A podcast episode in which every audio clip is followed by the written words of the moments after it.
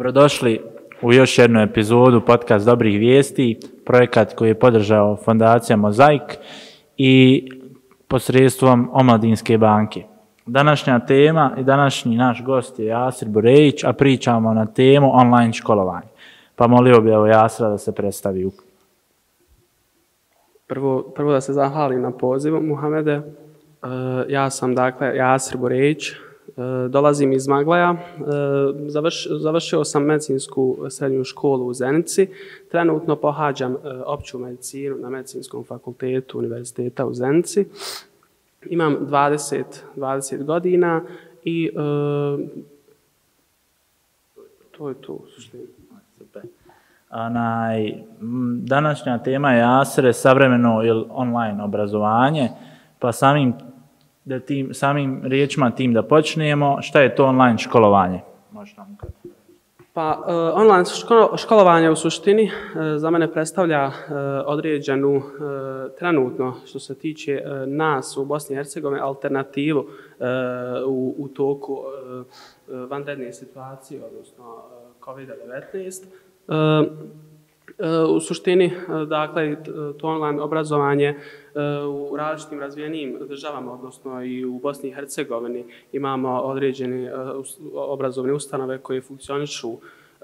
samostalno, odnosno putem putem računara i elektrotehnike vrši samo, samo, samo školovanje. Tako da, u suštini pozitivno, pozitivno mišljenje na samo online obrazovanje, ako, ukoliko se e, ispravno koristi ispravno, ispravno um, predočava i pruža uh, mlađim naraštajima. Dobro. Isto ću zamoliti naše kolege Asra, samo da bude okrenut na ovaj snupi kad bude pričao, pošto malo nam je mikrofon u anaj disfunkciji. E, sad, moje sljedeće pitanje, ova korona je prouzrokovala ovaj način školovanja, je li on, misliš, bio prisutan i prije, da li ga je sad samo ona promovisala ili je stvorila neki novi način tog školovanja koji se eto, u Bosni prvi put možda i pojavio u toku koroni? Pa da, sigurno da ga je promovisala e, na nekom e, nižem, e, na nekim nižim nivoima obrazovanja, odnosno e, određene ustanove u Bosni i Hercegovini su i prije korone koristile e, taj način Eh, obrazovanja, odnosno pružanja eh, različitog, različitih eh, sistema i načina školovanja sami, samih studenta i, i, i učenika. Naša taj period u kojem, je, u kojem sam ja bio uh, u toku COVID-19, uh, sam lično prvi put sam osjetio, uh, odnosno doživio taj način online obra obrazovanja i školovanja. E, sad, e, to, da li je to bilo pozitivno ili negativno, to, je, e, to ćemo u nastavku. Zamolio bih te da kažeš po svom mišljenju koje su to prednosti ili koji su to nedostaci u online školovanju? Pa gledajući na samu geografsku pozicioniranost, odnosno Eh, samih studenta u Bosni i Hercegovini, u bilo kojoj eh, državi svijeta, i eh, njihovog studiranja van, van granica njihovih država donosi jedno pozitivno gledište, odnosno pozitivne rezultate na njihovo studiranje van njihove, njihove domovine, to jest omogućava im samo studiranje, dok u našoj, u našoj državi i vjerujem i u ostalim državama samo to online obrazovanje može se kako pozitivno e, iskoristiti, tako, tako i negativno onaj u, u suštini e, vjerujem da je većina većina učenika i studenata iskoristilo e, online obrazovanje na pozitivan način kako bi usavršili sami sebe i okolinu odnosno društvo onaj oko sebe koje je okružuje. Hvala. E, u odnosu na tvoje studije koje posa, pohađaš, e, kakva je uloga i značaj online obrazovanja tu? I da nam kažeš, eto, pošto si sam rekao da je te obraz, online obrazovanje zahvatilo u vrijeme covid e, kako je ta obrazovna institucija, medicinska škola, podnijela taj, taj onaj novi izazov u tom vremenu? Pa dakle, ja sam u tom, u tom periodu bio e, završna godina medicinske škole, odnosno četvrti razred. E, situacija je bila vrlo kritična, dakle, e, svi smo iznenađeni, e, različito smo podnijeli taj, e,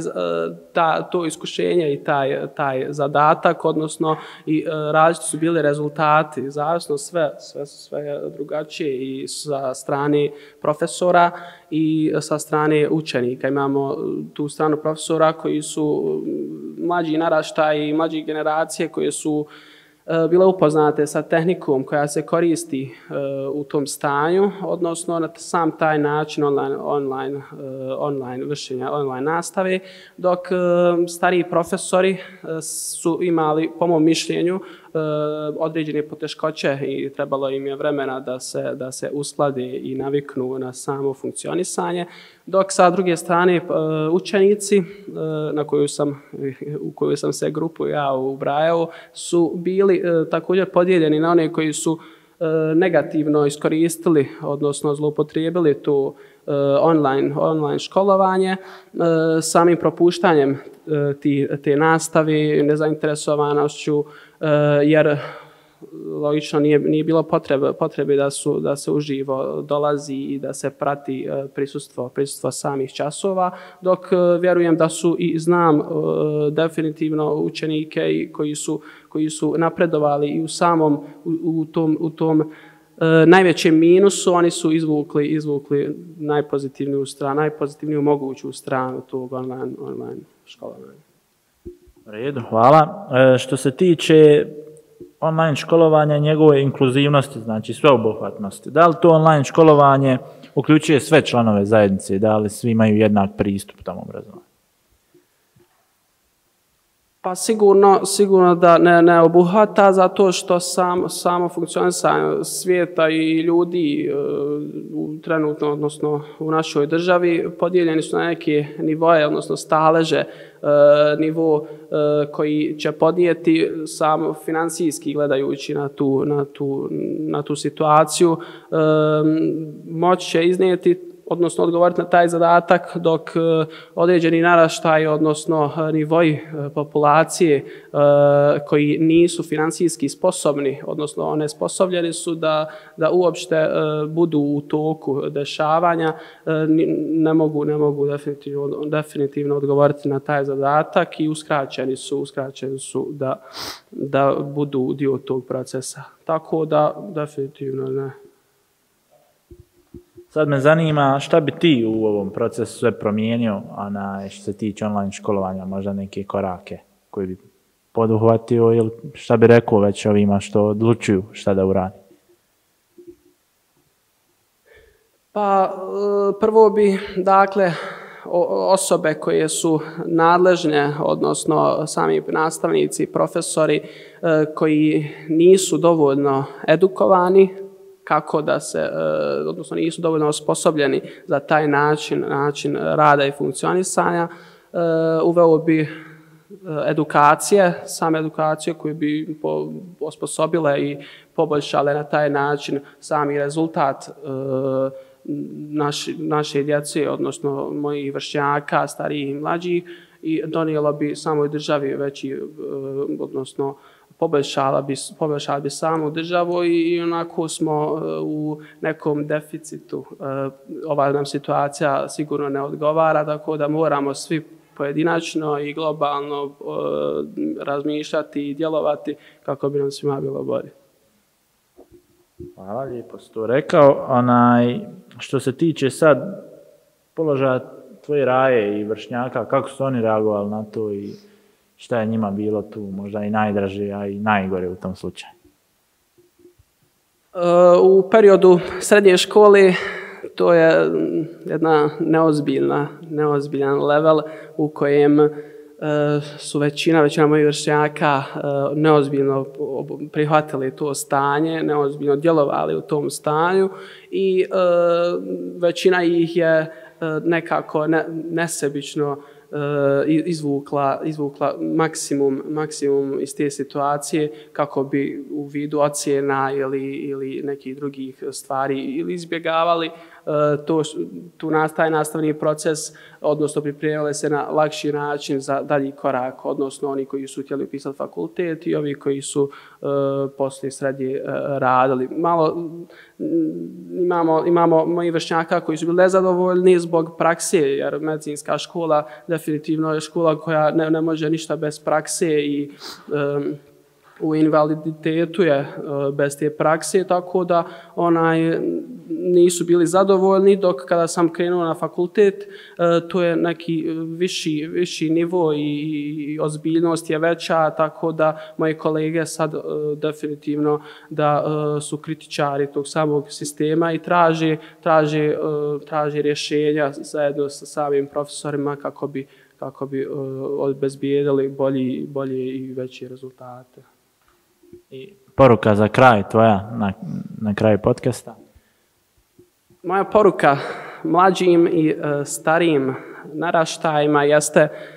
um, da u bilo kojoj situaciji u kojoj se država nalazi sama, sama vaša, rećemo na nivou porodice, vaša porodica i vi lično, morate razmišljati pozitivno, djelovati pozitivno i svaku situaciju, e, kako bi se izrazio, iz, izažeti, maks, maksimum uzeti iz nje, e, jer definitivno neki minus je prividan i može se e,